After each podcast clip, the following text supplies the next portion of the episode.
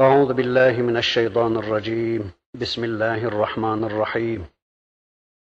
الحمد لله رب العالمين والصلاة وأتم التسليم على سيدنا محمد المبعوث رحمة للعالمين. اللهم لا سهل إلا ما جعلته سهلا وأنت تجعل الحزن إذا شئت سهلا. اللهم علمنا ما ينفعنا وانفعنا بما علمتنا وزدنا علما برحمتك يا أرحم الراحمين. أما بعد للفقراء الذين أحصروا في سبيل الله لا يستطيعون ضربا في الأرض يحسبهم الجاهل أغنياء من التعفف. تعرفهم بسيماهم لا يسألون الناس إلحافا. وما تنفقوا من خير فإن الله به عليم. الذين ينفقون أموالهم بالليل والنهار سرا وعلانية فلهم أجرهم عند ربهم ولا خوف عليهم ولا هم يحزنون. الذين يأكلون الربا لا يقومون إلا كما يقوم الذي يتخبطه الشيطان من المس. ذلك بأنهم قالوا إنما البيع مثل الربا وأحل الله البيع وحرم الربا. فمن جاءه موعظة من ربه فانتهى فله ما سلف وأمره إلى الله ومن عاد فأولئك أصحاب النار هم فيها خالدون.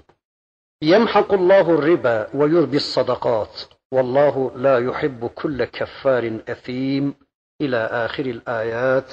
صدق الله العظيم. Bakara suresinde infakı konu edinen ayetleri tanımaya çalışıyorduk.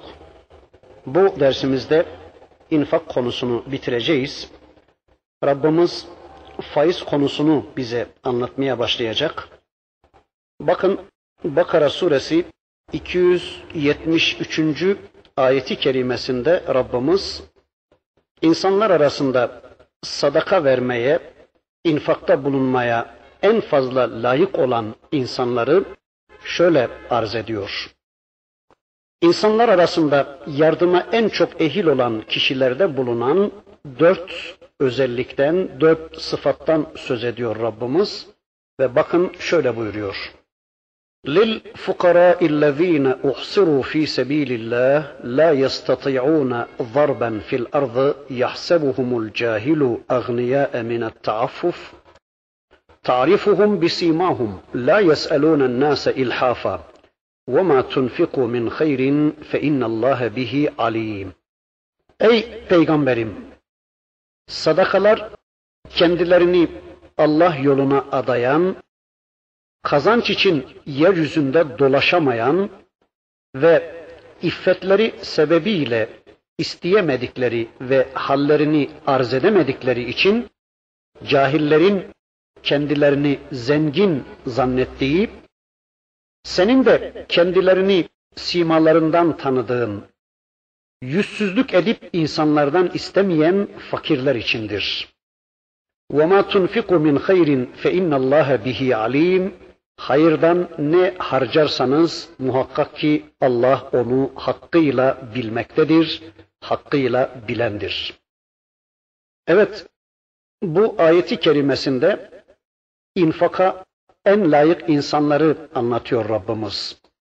Bunların toplum içinde tanınabilmeleri ve müminlerin kendilerine yardım ellerini uzatabilmeleri için Rabbimiz bu insanlarla alakalı dört sıfat sayıyor. Birinci özellikleri Allah yolunda tutunmuş olmalarıdır. Yani kendilerini Allah yoluna adamış, Allah'ın dinini öğrenip öğretmeye, İslam'ın anlaşılıp yaşanır hale gelmesi için kendilerini ilme, tebliğe ve cihada adamış olanlar.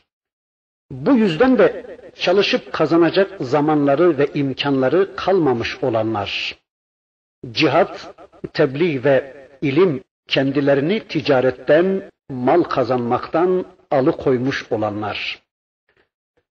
Allah yolunda kendilerini adamış olduklarından dolayı yeryüzünde rahat dolaşamayan, yani maişet temini için yol bulamayan kimseler ya da Müslümanların dertleriyle, müminlerin problemleriyle uğraşırken ticaret yapıp geçimlerini temin edemeyenler. Demek ki infakta bulunacağımız, yardım edeceğimiz, yardımlarına koşacağımız insanların birinci vasıfları, birinci özellikleri buymuş. La yes'elûnen nâse ilhafa ama bir başka özellikleri daha vardır bunların. O da hayalarından, iffetlerinden dolayı kendilerini tanımayan, kendilerini bilmeyen insanların kendilerini zengin zannettikleri insanlardır bunlar.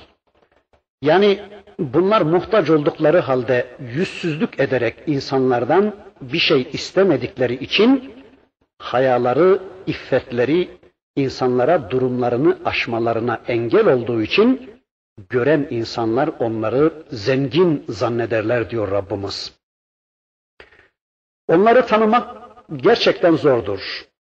Ama tarifuhum bisimahum sen onları yüzlerinden, simalarından tanırsın diyor Allah.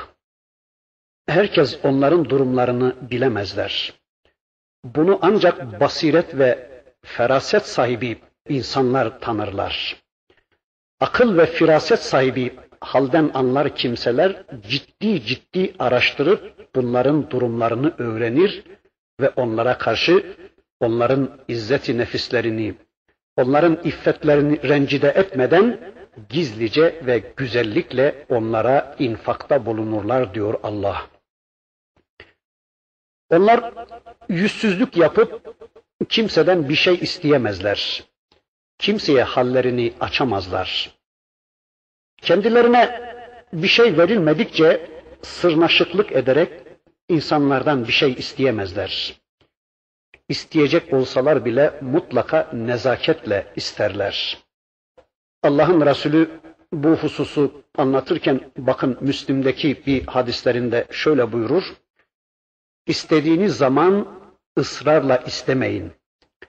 Allah'a yemin ederim ki istemediğim halde ben birinize bir şey verirsem verdiğim şeyleri Allah bereketli kılmaz. Yine bakın Allah'ın Resulü sırnaşıklık ederek ısrarla insanlardan bir şeyler isteyen kişi hakkında Buhari ve Müslim'in birlikte rivayet ettikleri bir hadislerinde şöyle buyurur. Israrla insanlardan bir şeyler isteyen kişi kıyamet gününde yüzünde hiçbir et parçası olmadığı halde Allah'ın huzuruna getirilecektir buyurur. Yine Buhari ve Müslim'in birlikte rivayet ettikleri bir hadislerinde Allah'ın Resulü şöyle buyurur.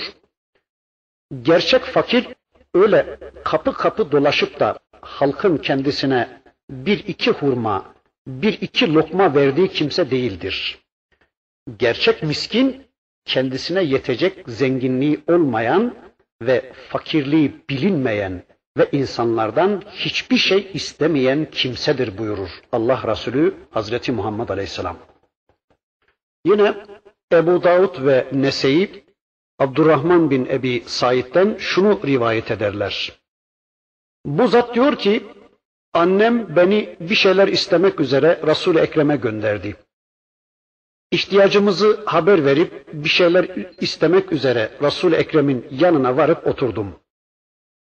Allah'ın Resulü bana karşı dönerek şöyle buyurdu. Kim ganilik gösterirse Allah onu zengin kılar. Kim de hafiflik ederse Allah onu iffetli kılar. Kim yetinirse Allah ona yetecek kadarını verir. Her kimin bir ukiye değerinde malı olduğu halde dilencilik yapar ve insanlardan bir şeyler isterse o da yüzsüzlük etmiş olur buyurdu. Bunun üzerine diyor ki ben düşündüm. Benim Yakute ismindeki dişi devem bir ukiyeden, Resul Ekrem'in haber verdiği o bir ukiyeden daha değerlidir diyerek istemekten vazgeçip geri döndüm der. Ee, Abdurrahman bin Ebi Said öyle diyor. Peygamberimizin bütün bu hadislerinden anlaşılıyor ki malı olduğu halde istemekten Allah'ın Resulü insanları men ediyor. Yani Müslüman bunu prensip edinince artık dünyaya ve dünya malına iltifat etmeyecektir. Aman benim olsun, aman biraz daha olsun çabasında olmayacaktır artık Müslüman. Zira kişi bir malı o mala tamahla alırsa kesinlikle onun bereketi de olmayacaktır. Allah'ın Resulü yediği halde bir türlü doymayan kişiye benzetir onu. Yani ihtiyacı yokken sürekli insanlardan alışma, almaya alışmış kişi yediği halde doymayan kişiye benzetilir Allah Resulü'nün dilinde. Hatta Müslüman ona ihtiyacı yoksa kendisine kendisi istemeden de teklif edilen malı almaya niyetli olmamalıdır. Zira o Müslüman ihtiyacı yokken kendisine teklif eden edilen o malı alırsa omuzuna bir sorumluluk alıyor. Omuzuna bir yük daha alıyor demektir. Ama bu Müslümanın gerçekten ihtiyacı varsa yani zaruret sayki ile isteme hakkı da vardır. Bunu unutmayalım. Çünkü Rabbimiz Kur'an-ı Kerim'in pek çok yerinde bu durumda olanların zenginler üzerinde haklarının olduğunu anlatmıştır. Yani bunların zenginlerin malları içinde belli bir hakları, belli bir hisseleri vardır. Binaenaleyh zor durumda kalıp da isteyen kişi hiç de üzülmemeli. Zira o kendi hakkını istemektedir. Beriki veren kişi de hiçbir zaman övünmemeli. Çünkü zaten ona kendi hakkını veriyor demektir. Böylece anlıyoruz ki istemekten çekineni Allah afif kılacaktır. Yani mala karşı, dünyaya karşı müstani davranan, eyvallahsız davranan kişiyi Allah zengin kılacaktır. Bunu hiçbir zaman hatırımızdan çıkarmayalım. Ama tabi bu anlattıklarım alan kişi için böyledir. Bir de meseleyi veren kişi için yani zengin olup da vermesi gereken kişiler açısından düşündüğümüz zaman onlar da mallarının tamamını verecek kadar bu konuda hahişkar olmalıdır. Yani bu isteyemeyen kişileri yüzlerinden, simalarından tanıyarak onların iffetlerini bozmadan onlara kendi yediklerinden, kendi giydiklerinden ulaştırma çabası içine girmeleri gerekecektir. Evet, Allah yoluna kendilerini adamış, Allah'ın dinini öğrenip öğretme yoluna koyulmuş, cihat ve tebliğ ile uğraşırken maişet teminine zamanları ve imkanları kalmamış ama iffetlerinden, utangaçlıklarından dolayı da kimseye durumlarını açamayan ve bunun için de insanların kendilerini zengin zannettikleri ancak simalarından tanıyabileceğiniz fakirlere infakta bulunacaksınız, infakta bulunacağız. İşte bu tür fakirler infakta önceliklidirler diyor Rabbimiz. İbni Abbas Efendimizin ifadesine göre bunlar asr-ı saadette ashab-ı suffa idi. Bunlar Medine'de Resulullah'ın mescidinde kalan, elbiselerinin cepleri olmayan, yeryüzünde de bir karış arazileri olmayan, kendilerini sadece ilme ve Allah yolunda cihada ve tebliğe adamış kimselerdi.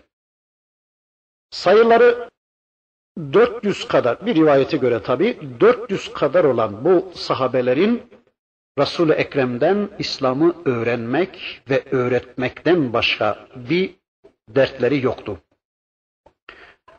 Allah'ın Resulü'nün çevresinde etten kemikten bir kale oluşturup hayatlarını bu davaya vakfedip yıllar sonra şu anda bile bize bu kitabı, bu hadisleri ulaştıran bu insanlardır.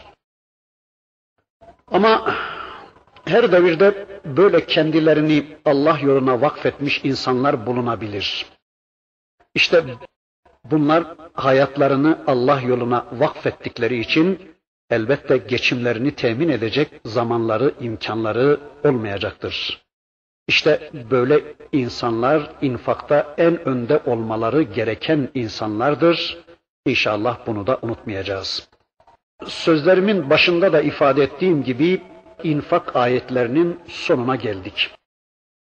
Bundan sonra Rabbimiz infakta zirve noktayı anlatacak ve infakla alakalı bölümü bitirecek. Ondan sonra faiz konusunu bizim gündemimize sunacak Allah. Bakara suresi ayet 274 belki infakla alakalı Bakara suresinin son ayeti. الذين ينفقون أموالهم بالليل والنهار سرا وعلانية فلهم أجرهم عند ربهم ولا خوف عليهم ولا هم يحزنون Mallarını gece ve gündüz billeyli ve nehar gece ve gündüz sırran ve alaniyeten gizli ve açık olarak hayra harcayanların ecirleri Allah katındadır. Onların mükafatları Allah katındadır. وَلَا خَوْفٌ عَلَيْهِمْ وَلَا هُمْ يَحْزَنُونَ Onlara korku yoktur ve onlar mahzun da olmayacaklar. Yani onlar üzülmeyeceklerdir de. Bu ayeti kerime Hazreti Ebu Bekir Efendimiz ve Hazreti Ali Efendimiz hakkında nazil oldu denmiş. Bu iki efendimiz de yanlarındaki paralarını dörde bölerek bir kısmını gündüz, bir kısmını gece, bir kısmını gizli, bir kısmını da aleni infak etmişler ve böylece onlar hakkında övgü olarak bu ayet inzal buyuruldu denmiş. Ama tabi o gün bu ayetin konusu onlardı. Lakin kıyamete kadar onların yolunun yolcusu olan bütün müminler bu ayetin konusunu teşkil etmektedirler diyeceğiz. Mallarını gece gündüz harcayanlar, gece ve gündüz sürekli infakta olanlar, yani herhangi bir Müslümanı ihtiyaçlar içinde kıvranırken gördükleri anda hemen zaman kaybetmeden gördüğü ve duyduğu anda onun ihtiyacına koşan ve onu başka bir zamana ertelemeyen, ihmal etmeyen, savsaklamayan kimseleri anlatır bu ayeti kerime. Sıkıntı içinde kıvranan bir kardeşini gece mi gördü, hemen gece onun yardımına koşar. Gündüz mü gördü yahut gündüz mü duydu, onu geceye bırakmayıp anında koşan Müslüman. Yani gece gündüz demeyip, zamanlı zamansız demeyip, gizli açık demeyip, sürekli infaka koşan müminleri anlatıyor Rabbimiz bu ayeti kerimesinde. Aslında bu ayetin temelinde Müslümanın kendi varlığını, kendi imkanlarını Müslümanların istifadesine sunması yatmaktadır. Allah bizden işte bunu istiyor. Yani tüm imkanlarımızı Müslümanların faydalanmasına sunmak zorundayız. Malımızı, bilgimizi, görüşümüzü, aklımızı, zamanımızı, gücümüzü Allah için Müslümanların istifadesine sunmak zorundayız. Daha önce de demeye çalışmıştım. Malımızın bir bölümünü Müslümanlar kullansın. Zamanımızın bir bölümünü Müslümanlara feda edelim. Feda olsun Müslümanlara. Bilgimizi Müslümanlar kullansınlar. Allah bana 24 saat vermiş. Bunun 2, 3 ya da 5 saatini çok rahatlıkla Müslümanlar kullanabilmelidirler. Bu gündüz olabilir, gece olabilir fark etmez. Müslümanların ne zaman ihtiyaçları olmuşsa o zaman kullansınlar. Gece saat birde, ikide de olsa Müslümanlar bizim evimize gelebilmelidirler. Allah bize bilgi vermişse Müslümanlar istedikleri kadar bundan istifade edebilmelidirler. Malımızdan istifade edebilmeli, gücümüzden istifade edebilmeli, zamanımızdan istifade edebilmelidirler. Tüm bunları Allah'tan kıskanmamalıyız. Yani bunu bizden isteyen Allah'sa ona karşı cimrilik yapmaya hakkımız yoktur. Çünkü unutmayalım ki şu saydığım şeylerin tümünü bize veren Allah'tır. Öyleyse bunları Allah adına Allah yolunda kullanmaktan kesinlikle kıskanmamalıyız. İmkanlarımızı keyfe mayeşa kullanırken, evlerimizi keyfimize uygun tefriş ederken, istediğimiz arabalara binerken, soframızda ağız zevki, çeşit çeşit yemeklerimizi yerken şunu hiçbir zaman hatırımızdan çıkarmayalım. İhtimal ki yediğimiz bir lokmanın karşısında yokluktan yutkunan bir fakir belki de bizim o soframızdakileri kanıyla, canıyla elde eden bir şehidin yavrusu veya babasıdır. Bunu unutmayalım. Bu hayatı, bu yediklerimizi nasıl kazandık dersiniz? Öyleyse bütün bunları bize Allah verdiyse, öyleyse yerken, içerken, giyerken, binerken, harcarken israf etmeyelim ki infak edecek bir şeylerimiz her an hazır bulunabilsin. Yani harcamalarımızı asgari ölçülere kısalım ki Allah adına harcayacak bir şeylerimiz çıksın ortaya. Yani Allah adına harcayacak gücümüz ortaya çıksın.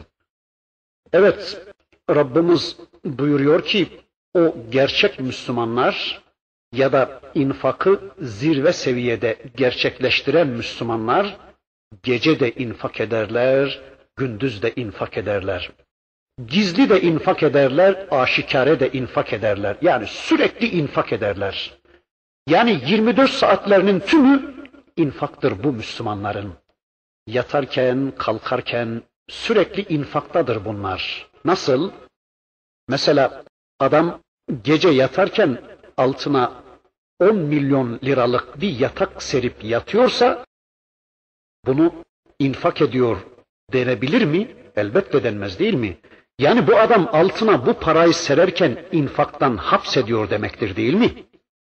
İnfaka açık tutması gereken bu parayı kendine hasrediyor demektir.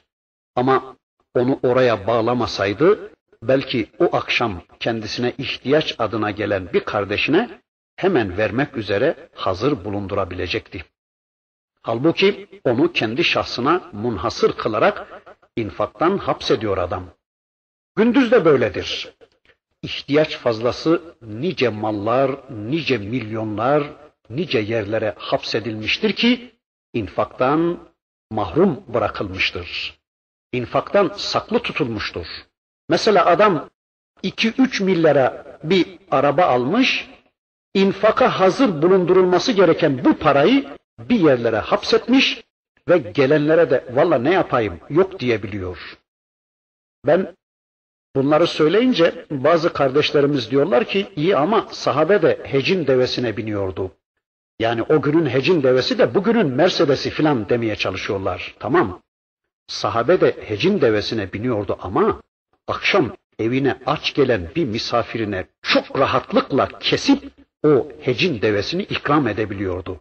Ya siz de bu arabalarınızı kesip sıkıntılı bir kardeşinize ikram edebiliyorsanız tamam diyeceğim yok. Ama bunu yapanı ben hiç mi hiç görmedim bugüne kadar. Öyleyse gece ve gündüz ikram edeceğiz. Gece ve gündüz infak edeceğiz. Ama gecede ve gündüzde mallarımızı bir yerlere bağlayıp infaktan da saklı tutmayacağız. Bundan sonraki ayeti kerimesinde Rabbimiz faizi ve faizcilerin durumunu anlatacak. Bundan önceki ayetlerde uzun uzun anlatılan infakçıyla faizcinin mukayesesi yapılacak ve bu iki insan tipinin Allah katındaki değerleri ortaya konacak. Bakın Bakara suresi ayet 275 Allah şöyle buyuruyor. الذين يأكلون الربا لا يقومون إلا كما يقوم الذي يتخبطه الشيطان من المس.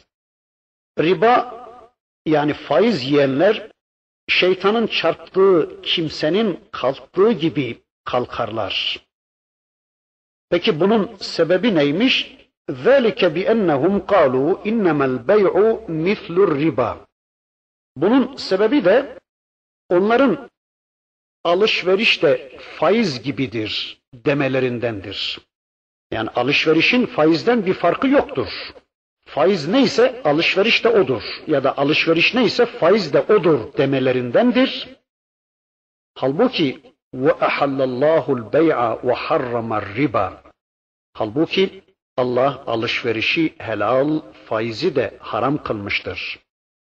فَمَنْ جَاءَهُ مَوْعَظَةٌ مِنْ رَبِّهِ فَانْتَهَى فَلَهُ مَا سَلَفْ Kime Rabbinden bir öğüt gelir de faizden vazgeçerse geçmişi ona aittir. Ve emruhu ilallah ve onun işi de Allah'a aittir, Allah'a döndürülecektir. وَمَنْ عَادَ فَاُولَٰئِكَ أَصْحَابُ النَّارِ hum fiha halidun. Kim de faizciliğe dönerse yani Allah'tan kendisine bu konuda bir öğüt geldiği halde yine eski haline yani faizciliğe dönerse onlar ateşin dostudurlar, ateşin ashabıdırlar ve orada ebediyen kalıcıdırlar. Medine'de bu ayetler indiği sıralarda Müslümanlar arasında faizle iştigal edenler vardı. Halbuki daha önce inen Ali İmran suresindeki ayetler faizin haram olduğunu bildirmişti. Bakın Ali İmran suresindeki ayeti kerime şöyle. Ya eyyühellezine amenu la te'kulur riba az'afen muza'afe vettekullah leallekum tuflihun. Ey iman edenler!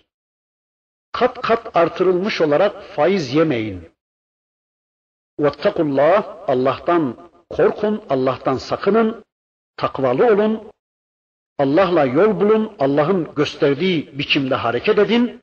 لَعَلَّكُمْ تُفْلِحُونَ Böylece kurtuluşa eresiniz, felaha eresiniz gibi ayetler faizin yasaklığını daha önceden ortaya koyduğu halde hala bir kısım insanların buna devam etmesinin sebebi galiba o günkü Yahudilerin ekonomik hegemonyası altında bulunan Medine'nin ekonomik yapısından kaynaklanıyordu.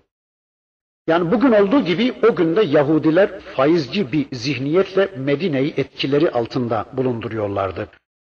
Bu yüzden de işte insanlardan kimileri hala faizle iştigal etmeye devam ediyorlardı. Riba, faiz aslında bugüne kadar bu konuda pek çok şey duydunuz. Onun için uzun uzadıya anlatacak değilim. Ama faiz ayetini tanımaya çalıştığımıza göre bu konuda elbette kısaca bir şeyler söyleyeceğiz.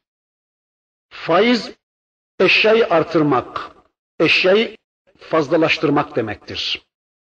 Yani cinsi ve miktarı aynı olan iki şeyi fazlalıkla satmak ya da fazlalıkla değiştirmek demektir veya herhangi bir malı kendisinden daha fazlasıyla borçlanmak demektir. Teknik olarak ise borç veren kişinin borç verdiği kişiden verdiği para üzerinden belli bir fazlalık, belli bir yüzde almasının adıdır. Bu ayetlerin nazil olduğu dönemde günümüzde olduğu gibi çok çeşitli şekillerde ve usullerde faiz alınıp veriliyordu. Mesela borç almış kişi alacaklısına borcunu zamanında ödeyemediği takdirde zaman uzatılıyor ama faizi de kat kat katlanıyordu. Günümüzde de bunun çok çeşitli şekilleri mevcuttur. Çünkü Rabbimiz insanın insan olarak diğer insanlarla kardeşleriyle insanlık ölçüleri içinde kardeşçe yaşamasını istemektedir. İnsanın kardeşlerini kendisinden bir parça bilmesini ve onlara karşı ilişkilerini bu kardeşlik esasına bina etmesini ister. Yani insanın insan olması hasebiyle kardeşlerinin acılarında, dertlerinde, üzüntülerinde, sıkıntılarında ve hayatın tüm problemlerinde onların yanında olmasını, onların bu sıkıntılarını kendi sıkıntısı bilmesini istiyor Allah ve onlara yardıma koşmasını istiyor. Hasılı insandan insanlara karşı güler yüz, tatlı dil, fedakarlık, diğer gamlık istemektedir Allah. Böylece insanın insanlarla olan tüm ilişkilerinde Allah'ın rızasını hedef almasını istiyor Rabbimiz. Bundan önce infak ayetlerinde Rabbimizin uzun uzun bunu anlattığını gördük. Yani Müslüman tüm sahip olduklarını, tüm imkanlarını kardeşleriyle paylaşmaya hazır olan insandır. Müslüman çevresiyle ilişkilerini Allah'a imana ve Allah hatırına bina eden insandır. Müslümanın kardeşleriyle ilişkisi sadece kar esasına, kazanma esasına dayalı, sadece sömürü ve menfaat hedefini ön plana çıkaran ilişkiler değildir. Müslümanın Müslüman kardeşleriyle parasal ilişkisi şu iki esasa dayanmaktadır. Birincisi Allah için, Allah hatırını kazanmak için kardeşlerine karşılıksız verme esası. Bunu surenin önceki ayetlerinde anlatmaya çalışmıştım. Müslüman bir Müslüman kardeşine bir şeyler verirken Allah rızasının dışında kesinlikle bir karşılık beklememelidir. Sadece Rabbinin güzel hatırının dışında bir beklentisi olmamalıdır. Bu yüzdendir ki Rabbimizin ifadesiyle Müslümanın Allah için kardeşlerine sunduğu, sunacağı her şey infaktır ve bir ibadettir. Bunu unutmayalım. İkincisi, Müslümanın kardeşleriyle ilişkisinin ikinci esası ise kardeşlerine karşılıksız borç vermeye yönelme esasıdır. Karz-ı Hasen ayetinin tefsirinde demeye çalışmıştım. Yani bir Müslüman, Müslüman kardeşine borç verirken Allah için kardeşlerinin sıkıntısını giderme adına verilen malın sadece kendisinin yani anasının geri gelmesi amacıyla Müslüman kardeşlerine borç verir, karzı hasende bulunur. Yani verdiğinden fazlasını asla beklemez Müslüman. Sadece bu konuda Allah'ın rızasını umar ve bunu yaparken de Allah bunu kendisinden istediği için ibadet kastıyla yapar. İcabında çalıştırıp kar edebileceği, nemasından istifade edebileceği o parasını Allah rızası için kardeşinin hizmetine sunu verir. Allah rızası için verdiği mal bir süre sonra aynen kendisine dönse bile o süre içinde onu dondurmuş ve onun karından da mahrum kalmıştır. Ama ne gam, mümin böylece Rabbinin hatırını kazanmıştır. Aslında o parayı o kardeşine değil de o malın da o paranın da kendisinin de gerçek sahibi olan Allah'a borç olarak vermiş. Al ya Rabbi bu malın sahibi sensin. Bu malım senin yanında emanet kalsın. Yarın ona en muhtaç olduğun bir dönemde onu senden alırım ya Rabbi diye o malı kardeşine vermektedir. Allah da onu kendi katında emanet olarak tutacak ve yarın ona en çok lazım olduğu bir anda kat kat fazlasıyla Allah onu ona ödeyecektir. Ne zaman lazım oldu? Cennete girmek için mi lazım oldu? Ya da cehennemden kurtulmak için mi lazım oldu? O zaman Allah onu ona kat kat fazlasıyla ödeyecektir. Evet, Müslümanın Müslüman kardeşleriyle ilişkilerini Allah belirler. Çünkü bu şekilde Müslümanlara borç verebilmek faizdeki kazanç duygusunu ayaklar altına almayı ifade etmektedir. Zira bu tür insani ve imani duygular faiz anlayışında yoktur. Faizde borç verenin kalbinde, iç dünyasında bu duyguların tamamen aksine sömürüyü, menfaati, duyarsızlığı, kardeşlerinin acılarını artırmayı, sıkıntılarına sıkıntı katmayı, kardeşlerinin problemlerine sevinmeyi ve kardeşlerinin sürekli kendisine muhtaç bir konumda olmaları duygusunu kamçılamaktadır. Yani faiz bu duyguları kamçılamaktadır. Kendisine bu şekilde bu duygularla borç verilen kişi de o borç verene karşı içinden kin ve nefretle dolup taşmaktadır. Zira borç alan bu kişi zaten çaresizlik ve sıkıntılar içinde kıvranırken, yani ne yapacağını bilmez bir vaziyette çırpınıp dururken, şimdi de üstelik faizin kahredici yükü de omuzlarına binince Artık onun psikolojik yıkılışını siz bir düşünün. Borç veren kardeşinin kardeş olarak sıkıntılarını biraz daha hafifletecek yerde biraz daha çoğaltan bir zalim olduğunu görünce ona karşı nasıl düşman kesileceğini varın siz anlayın. Faiz toplumda ezilmiş, yoksul insanların daha da fakirleşmesine, daha da ezilmesine, buna karşılık kapital sahiplerinin daha da şişmesine, daha da zenginleşmesine sebep olan bir mikroptur.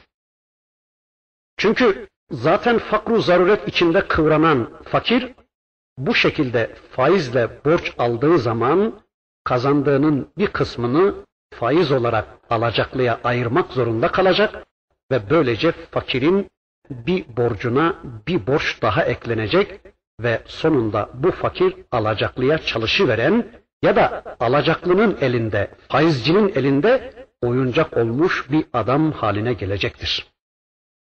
Fert açısından bu bir yıkılış olduğu gibi toplum açısından da bundan farklı olmayacaktır. Çünkü en sonunda da tüm maddi servetler, tüm imkanlar ve zenginlik kaynakları toplumda sadece bir avuç kapital sahibinin elinde toplanacak. Bunlar bu bir avuç zalim grup garibanların sırtında lüks bir hayat yaşarlarken berikiler de onları omuzlarında taşıyan ve onlar adına çalışan, onlar adına ter döken birer robot haline gelivereceklerdir Allah korusun. Dahası ekonomik yönden şiştikçe şişen bu faizciler ellerindeki bu ekonomik güçle toplumda toplumsal, siyasal ve ekonomik hayatın tümüne egemen olacaklar ve daha kolay, daha özgür bir şekilde insanları sömürebilmek, sömürü düzenini sürdürebilmek için yeni yeni kanunlar ve yasalar çıkararak kendi durumlarını meşrulaştıracaklardır. Böylece toplumda bir avuç zalim, bir avuç tağut, bir avuç müstekbir ve bürokrat insan tüm toplumu sömürme imkanlarını ellerine geçirmiş olacaklardır. Ve sonunda tüm toplum köle, bir avuç insan da efendi konumuna gelecek. İşte hal dilden daha güzel anlatır. İşte bizim toplumu görüyoruz. Bunun nasıl gerçekleştiğini, kimi mutlu bir azınlığın şiştikçe şiştiğini, kimi garibanların da sırf onlara çalışıveren köleler haline geldiğini işte bizim toplumda çok rahat görüyoruz. Uzun lafın kısası, faiz hem fert için hem de toplum için benzeri olmayan bir mikroptur. Bakın Bakara suresinin bu bölümünde Rabbimizin yaptığı infak, faiz mukayesesine göre infaka dayalı İslam düzeni ile şeytanın adımlarına dayalı faiz düzeni kesinlikle gece ve gündüz kadar birbirine zıt iki düzendir. Bu iki düzen hiçbir konuda birbirlerine benzemezler.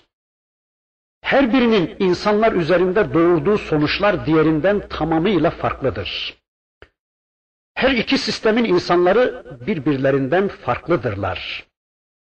Bakın burada Rabbimiz iki insan tipi sergiledi. Birincisi önceki ayetlerde anlatıldı.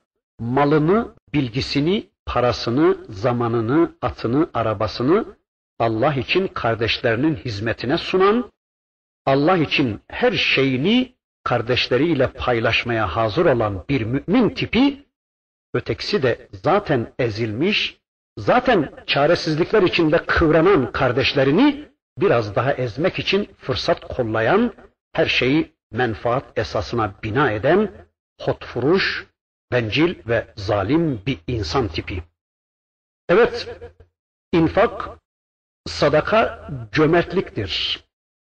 Sadaka temizliktir. Sadaka malda ve nefiste temizliktir. Sadaka malda ve canda arınmadır. Sadaka insanlar arasında dayanışma, insanlar arasında kardeşlik ve yardımlaşmadır. Sadaka fedakarlıktır. Sadaka diğer gamlıktır. Faiz ise cimriliktir. Hotfuruşluktur. Pisliktir, bencilliktir, ferdiliktir, zulümdür ve insanları ezmedir. Sadaka Allah için sahip olunan malı karşısındakine feda etmektir. Borcu karşısındakinin hizmetine sunmaktır. Faiz ise borcu borçlunun etinden, kanından ve emeğinden koparılmış bir fazlalıkla onu geri almaktır. Eğer faizle borç alan kişi aldığı bu para ile çalışıp çabalayıp kazanmışsa, faiz onun bu emeğinden çalınmış bir fazlalıktır. Eğer borç olan kişi aldığı bu para ile kazanamamış veya zarar etmişse, o zaman bu faiz denen fazlalık onun etinden koparılmış bir parçadır. İşte tüm faizcilerin yiyip içtikleri budur.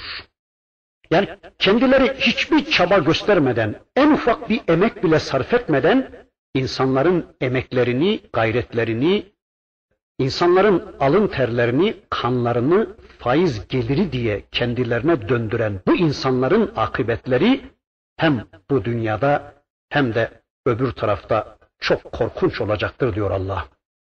Ama bunu demeden önce burada önemli gördüğüm bir hususu inşallah şöyle kısaca arz edeyim. Bakın bu faiz ayetlerinin konu edildiği bölümün hemen öncesinde Rabbimiz uzun uzun infaktan söz etti. Ondan sonra da faiz ayetlerini gündeme getirdi.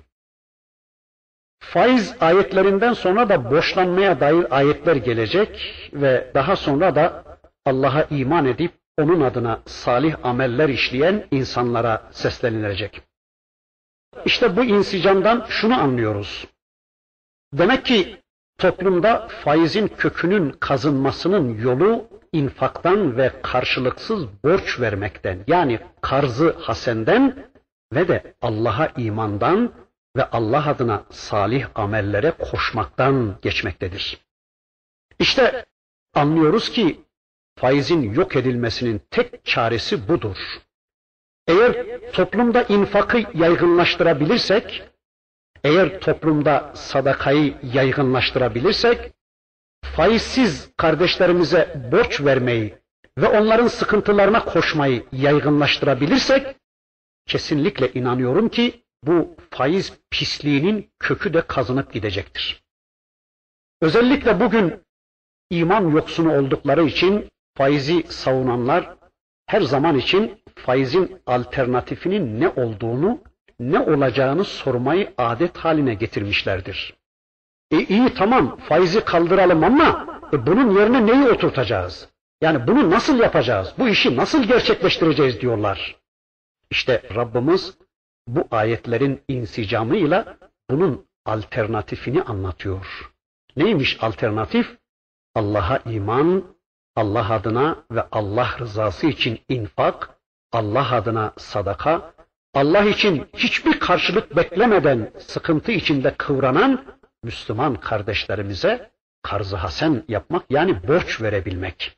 İşte bunun alternatifi budur. Bakın Rabbimiz az evvel okuduğumuz ayeti kerimesinde faizi ve faizcilerin durumunu anlatırken şöyle buyuruyor. اَلَّذ۪ينَ يَأْكُلُونَ الرِّبَا لَا يَقُومُونَ اِلَّا كَمَا يَقُومُ الَّذ۪ي يَتَخَبَّتُهُ الشَّيْطَانُ مِنَ الْمَسِّ Faiz yiyenler ancak şeytan çarpmasından dolayı ne yapacağını bilemeyen ve ayakta da duramayan kimselerin kalktığı gibi kalkacaktır. Ayet-i kerimede mes ve hapt kelimeleri geçmektedir. Mes delilik hatta doğru dürüst ayakta duramamak demektir. O zaman ayetin ifadesinden anlıyoruz ki faiz yoluyla insanların mallarını yiyen, kanlarını emen kimseler kıyamet günü saraya tutulmuş. Yani şeytanın messine maruz kalmış, şeytan dokunmuş deli birisinin doğru dürüst ayakta duramayışı biçiminde kalkacaklardır. Dünyada bile bunun örneklerini görüyoruz. İflas eden bankaların önünde insanlıktan çıkmış bir vaziyette etraflarına saldıracak şekilde delirmiş insanları gördükçe gerçekten ayetin ne kadar da güzel anlattığını anlıyoruz. Yani deli bir adam nasıl ki dengeli bir davranış sergileyemiyorsa, yani ne yaptığını bilmez bir durumdaysa aynı şekilde faizle insanların kanlarını emebilmek için onlara borç veren kişi de bu gelire ulaşabilmek için o kadar dengesini kaybeder ki adam neredeyse şuurunu kaybeder. Para hırsıyla aklı gitmiş, gözü dönmüş vaziyetiyle bu adamın çevresine nasıl zarar verdiğini bir düşünün, düşünün de ayetin ifadesini anlamaya çalışın. Bir de bu dünyada şeytan bazı insanları çarparak onları Allah yolundan uzaklaştırır. Bakın Saat suresinde bir ayeti kerimesinde Rabbimiz bu hususu anlatırken şöyle diyordu. Kale فَبِعِزَّتِكَ لَاُغْوِيَنَّهُمْ اَجْمَعِينَ اِلَّا عِبَادَكَ مِنْهُمُ الْمُخْلَصِينَ İblis dedi ki, senin izzetine yemin ederim ki, senin şerefin üzerine yemin ederim ki ya Rabbi, onlardan ihlaslı yani seçkin kulların müstesna, hepsini azdıracağım. Saat suresi ayet 82. Onların hepsini azdıracağım. Ayeti kerimeden anlıyoruz ki şeytan ancak şirk işleyen kafirlere ve günaha batmış müminlere musallat olabilir. Ancak onları çarpıp Allah yolundan uzaklaştırabilir. Eğer şeytanın çarptığı kişi kafir veya müşrikse bu kişinin bu durumdan kurtulabilmesi için ancak şirki terk edip küfrü terk edip Allah'a Allah'ın istediği şekilde iman etmesi gerekmektedir. Yok eğer şeytanın çarptığı kişi günahkar bir Müslümansa o zaman da bu kişinin bu durumdan kurtulabilmesi için günahlarından tevbe edip Allah'a Allah'ın istediği şekilde yönelmesi, Allah'a Allah'ın istediği biçimde kulluğa yönelmesi gerekmektedir. Bakın Allah'ın Resulü şeytanlardan ve onların messinden korunabilmek için sürekli şöyle dua ederdi. Ebu Davud, Nese'i ve Tirmizi bu peygamberimizin duasını bize naklediyor. Şöyle dermiş Allah'ın Resulü. Kovulmuş şeytandan, onun büyüklenmesinden, sihirden ve çarpmasından, semi ve alim olan Allah'a sığınırım. Allah'ın Resulü sürekli böylece dua edermiş. Faiz yoluyla insanların mallarına göz dikenler, bu yolla irin yiyip kan içenler hem dünyada hem de ahirette şeytanların çarpmasına maruz kalacaklardır. Dünyada akıllarını, fikirlerini, zamanlarını sırf para kazanmanın peşine takıp maldan, paradan, kazanmaktan başka bir şey düşünemez hale geldikleri için aklı başında normal insanlar gibi hareket edemez bu adamlar. Aklı başında insanlar onları gördükleri zaman dengesizliklerini, anormalliklerini hemen anlarlar. İşte görüyoruz. Dünyalık elde edeceğiz diye daha çok para kazanacağız, daha lüks yaşayacağız diye borsaların peşine, dükkanların, tezgahların peşine takılmış, bir oraya bir buraya koştururken durup düşünecek, Allah'ın rızasını kazanacak, ilim öğrenecek, çoluk çocuğunu Müslümanca eğitecek, en küçük bir zamanları bile kalmamış insanlar, işte bu insanlardır. Şeytanın kötü vurduğu insanlar. Bu, bunların dünyadaki halleridir. Ahirette ise bunların durumu çok daha korkunç olacaktır. Karınlarını faizle dolduranlar bir hadisi şerifte de anlatıldığı gibi kıyamet günü kabirlerinden kalkarlarken karınları şişmiş olarak saralı ve deli oldukları halde kalkacaklar ve bu durum onların belirgin özellikleri olacaktır. Yine İbni Ebi Hatim'de Ebu Hureyre'nin rivayet ettiği bir hadislerinde bakın Allah'ın Resulü şöyle buyurur. İsra gecesi karınları evler gibi olan ve karınlarının etrafında yılanların dolaştığı bir topluluğa uğradım. Ben bunlar kimlerdir ey Cebrail diye sordum. O da dedi ki bunlar faiz yiyenlerdir. Ey peygamber dedi. Evet faiz yiyen insanların hem dünyada hem de ahirette durumları böyledir.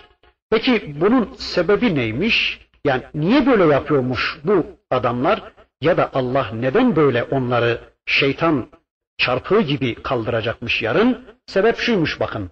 ذَٰلِكَ بِأَنَّهُمْ قَالُوا اِنَّمَا الْبَيْعُ مِثْلُ الرِّبَا وَأَحَلَّ اللّٰهُ الْبَيْعَ وَحَرَّمَ الرِّبَا O ceza şu sebeptendir ki onlar alışveriş de faiz gibidir dediler. Yani alışveriş de faiz gibidir demeleri yüzündendir o ceza. Oysa ve ahallallahu bey'a ve harrama riba Allah alışverişi helal, faizi de haram kılmıştır. Bu faizciler diyorlar ki alışveriş de faiz gibidir. Ticaret de faiz gibidir. E, faizin de ticaretten bir farkı yoktur. Alışverişin de faizden bir farkı yoktur. Alışveriş de faizin bir bölümüdür diyorlar.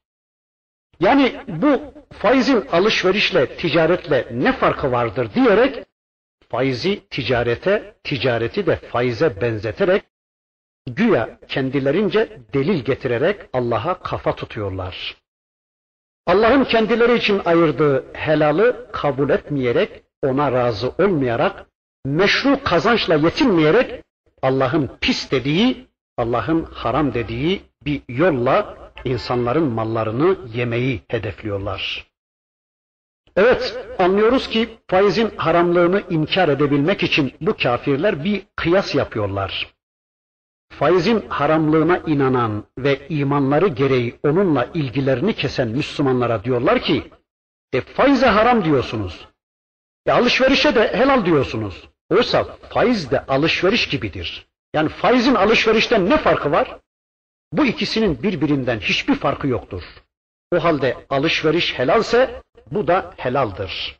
Yok eğer faiz haramsa o zaman sizin bu yaptığınız ticaretler de haramdır demeye çalışıyorlar. Yani bozuk zihniyetlerinden dolayı kafirlerin kıyasları her zaman bozuk olacaktır. Bir de kafirin hayatına yön veren daima Allah değil mantıktır anlıyoruz buradan. Şöyle söyleyelim, Allah'la insanlar arasında hiçbir ilişki yoktur ilkesine dayanır kafirin mantığı. Faiz düzeninde insan yeryüzünün efendisidir ve hiçbir sorumluluk ve kayıt altında değildir. Kafir Allah'ın hiçbir emriyle mükellef değildir. Allah onun hayatına hiçbir surette karışmamaktadır. O her şeyde ve her konuda hürdür malı konusunda da bedeni konusunda da Allah'a karşı hiçbir sorumluluğu yoktur kafirin. İnsanlara karşı da hiçbir sorumluluğu yoktur onun. Yani karnını şişirebilecek bir fırsat buldu mu, isterse bundan dolayı milyonlarca insan rahatsız olsun fark etmez. Onun için bu konuda Allah ne demiş, nasıl demiş, onlar için bunun hiçbir önemi yoktur. Akıllarınca bir istitlal yaparlar ve böylece sonuca gitmeye çalışıyorlar. Bakın diyorlar ki faiz de ticaretin aynıdır. Bugün de bakıyoruz faizin haramlığını inkar eden kafirler aynı şeyi söylüyorlar. Efendim diyorlar farz edelim ki bir adamın 100 milyon lirası var. Bu adam bu parayla ayakkabı alarak sattığı zaman 20 milyon lira kar edecektir. E şimdi aynı adam bu 100 milyonu bu şekilde ticarette kullanmayıp yüzde yirmi faizle birine veriyor ve sonunda işte yine 20 milyonu alıyor. E bunun ötekisiyle farkı nedir diyorlar. Yani borç veren kişi o parasını borç vermeyip çalıştırsaydı e zaten o kadar para kazanacaktı. E binaenaleyh borç verdiği insandan bu kadar parayı almasında ne mahzur var demeye çalışıyorlar. Bunu şöyle birkaç madde halinde inşallah ifade etmeye çalışayım. Bakın bir kere mümin oluşumuzun gereği şunu peşinen kabul etmişiz ki Allah birine helal ötekisine de haram demişse bu konuda hiçbir şey demeye hakkımız yoktur. Çünkü Rabbimiz ayetin devamında zaten buyuruyor ve ahallallahu'l bey'a ve harramer riba. Allah alışverişi helal, faizi de haram kılmıştır.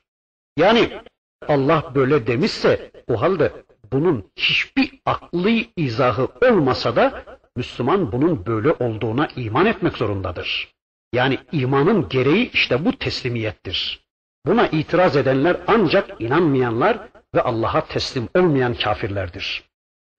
Bir ikincisi de anlayabildiğimiz kadarıyla İslam'ın caiz gördüğü alışveriş ancak bir ihtiyaçtan dolayı yapılır ve bir mala karşılık aldatmadan mal verme, mal alma esasına dayanır. Yani alanın da satanın da karşılıklı rızasıyla ve hiçbir baskı olmaksızın kabulü şartına dayanır. Alıcı ihtiyaç duyduğu şeyi satın alır, satıcı da bu maddeyi alıcının ayağına kadar getirirken ya da onun için o malı sağlarken harcadığı iş gücü ve harcamalarını karşılamak üzere kar alır. Halbuki faiz böyle değildir. Faizde faizle borç alan kişi borcu veren kişiye oranla daha zayıf ve muhtaç olduğu için kendisine borç veren kişiyle eşit şartlarda bir anlaşma yapamaz. Faiz ihtiyaçlı kimselerin sıkıntılı anlarında onların rızası olmadan onları sömürmektedir. Başka şartlarda o paranın kendisine verilmesini canı gönülden isteyen ama imkanı olmadığı için o şekilde almaya mecbur kalan kişi belki kazanırım ümidiyle aldığı para ile eğer kazanırsa kazancını o faize verecek, kazanamazsa da mahvolup gidecektir. Kat kat katlanacak faiz borçları yüzünden borç veren faizci bazen borçlunun tüm karını alabilir. Hatta onun tüm kişisel mallarına bile el koyabilir. Ve yine de borçlu kişi alacaklıya karşı borcunu ödeyememiş duruma gelebilir. Faizle alakalı ticaretin faizden farklı oluşuyla alakalı daha söyleyebileceğim epey bir şeyler vardı. Ama zamanın dolduğunu işaret ediyorlar. İnşallah önümüzdeki dersimizde kaldığımız yerden faizle alakalı yine bir şeyler söyledikten sonra Rabbimizin öteki ayetlerini hep birlikte tanımak üzere velhamdülillahi rabbil alemin.